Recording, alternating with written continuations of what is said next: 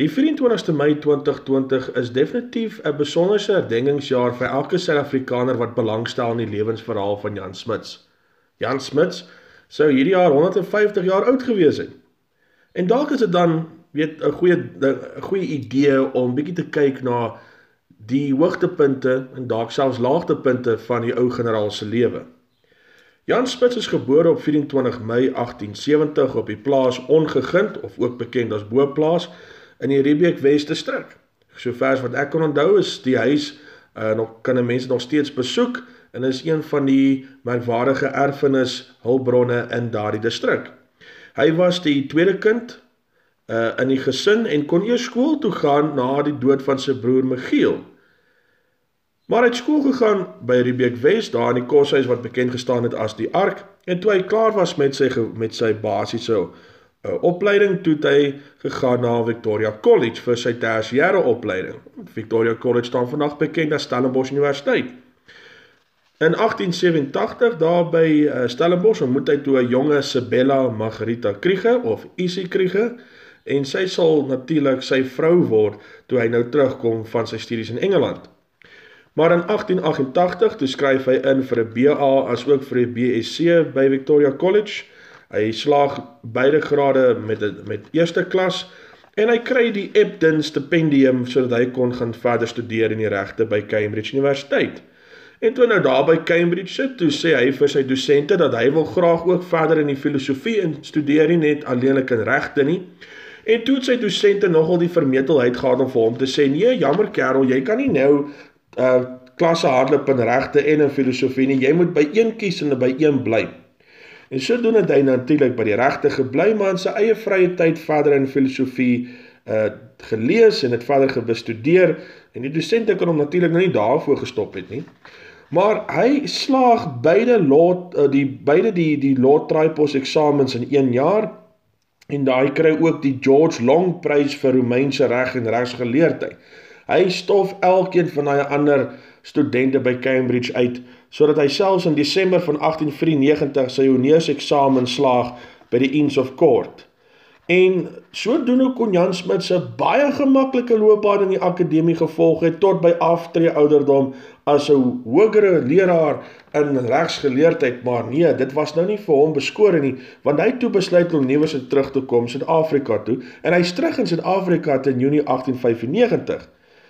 Maar dit was nie net maanskyn en rose vir Jan Smuts in Engeland gewees nie, want alhoewel hy baie goed gedoen het met sy regseksamens by Cambridge, het hy ook probeer om sy eerste boek te publiseer oor die Amerikaanse digter Walt Whitman. Die boek se titel was Walt Whitman: A Study in Evolution of Personality. En toe die manuskrip klaar is, toe wil geen uitgewer dit uitgee nie. En dit het toe later nou maar gestoord gebly totdat Wayne State Universiteit Press in Detroit, Michigan die boek uitgegee het in 1873. Maar hierdie eerste jare van Jan Smuts se se jong mans lewe is Jan Smuts die akademikus, Jan Smuts die student, maar hy sal nie vir altyd so bly nie, want met sy terugkoms in Suid-Afrika, toe begin daar groter uh, geleenthede vir hom oopmaak, juis in die ou Transvaal.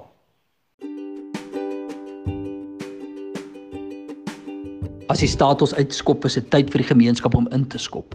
Dis nou tyd vir help mekaar. Ons mense kry swaar, salarisse word nie betaal nie, kinders moet gehelp word met skoolwerk, mense wat nog nooit kosnood gehad het nie, moet nou vra. Die solidariteit beweging krisisfonds is uit die gemeenskap vir die gemeenskap gestig. Meer as 15 miljoen rand is al ingesamel. In die krisis sien ons genade in die wonderlike harte van mense, maar die nood word groter. Gewone mense wat bietjies gee om ander te help. Die Solidariteit Beweging Krisisfonds help mense in nood oor 'n krisisberig na 'n nuwe normaal. Al wat nodig is, is mekaar. Gee saam met duisende ander jou deel by www.krisisfonds.co.za. Kom ons bil die gemeenskap se spiere. As die regering nie wil help nie, help ons mekaar. www.krisisfonds.co.za.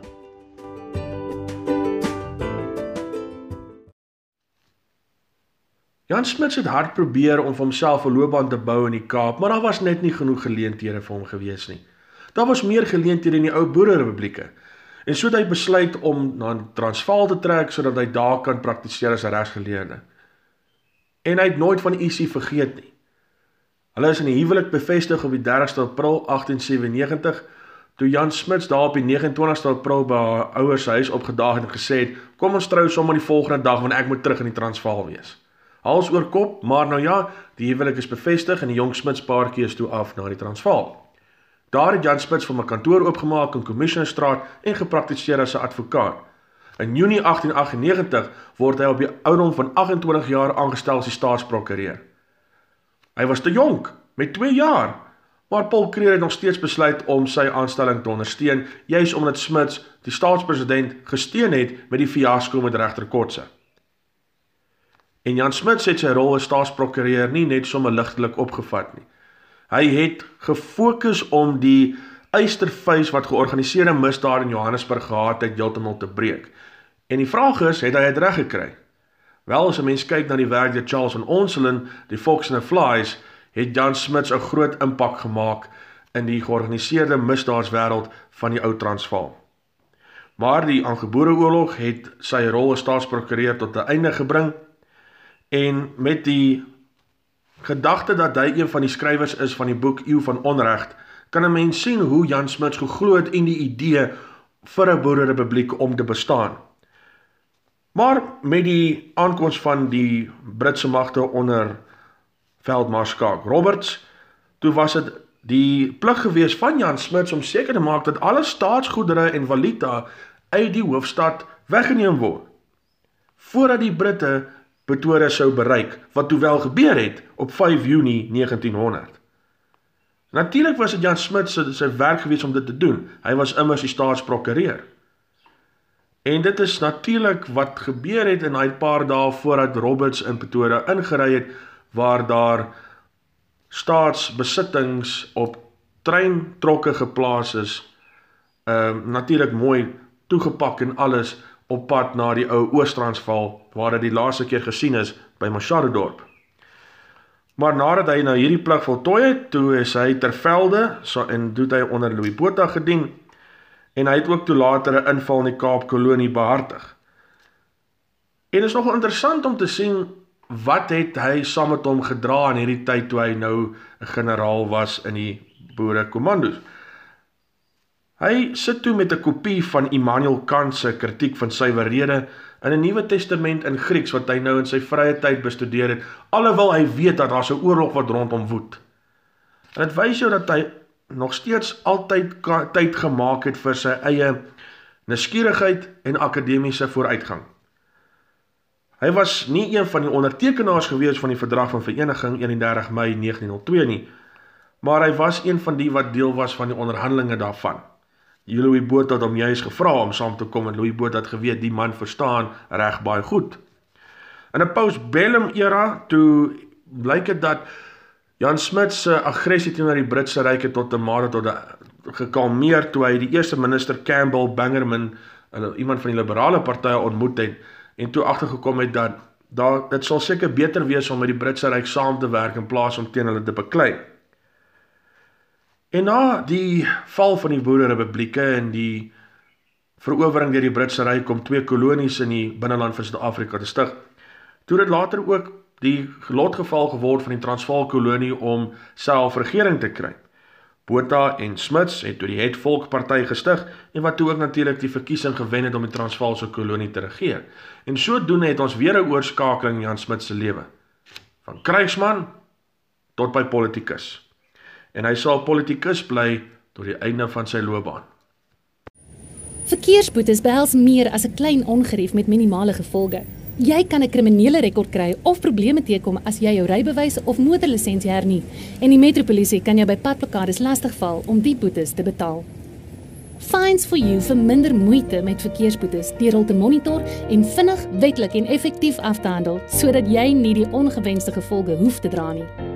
Ons spesialiseer in groot vlote en streef daarna om jou geld te bespaar. Kontak ons gerus op 011 867 7331 of besoek ons webtuiste by www.finds4u.co.za.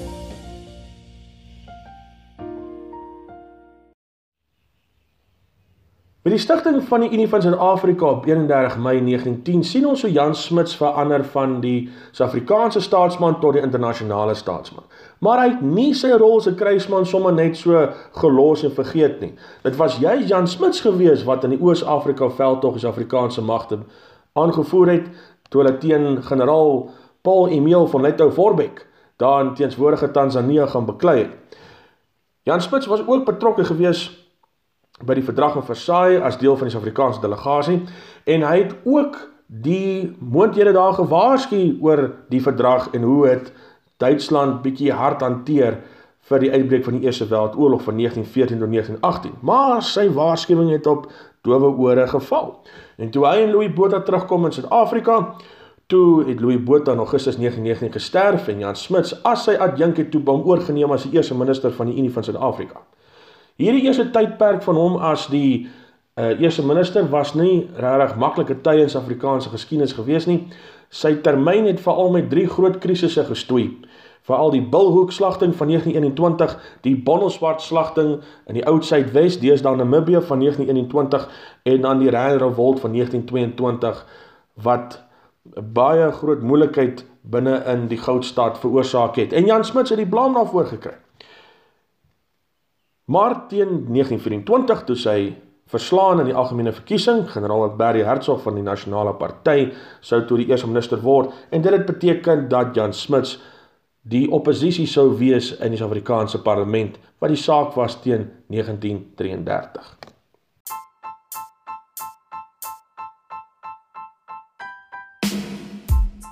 Plaas jou geld sake in die hande van Nandi Erasmus 'n geregistreerde finansiële deskundige by Sanlam. Haar dienste sluit in omvattende finansiële beplanning, beleggingsbestuur, welvaartskepping, boedelbeplanning, sakeversekering en koopooreenkomste. Bel haar vandag nog vir deskundige finansiële advies by 082 569 1948 of stuur 'n e-pos na nandi@sanlamforyou.co.za.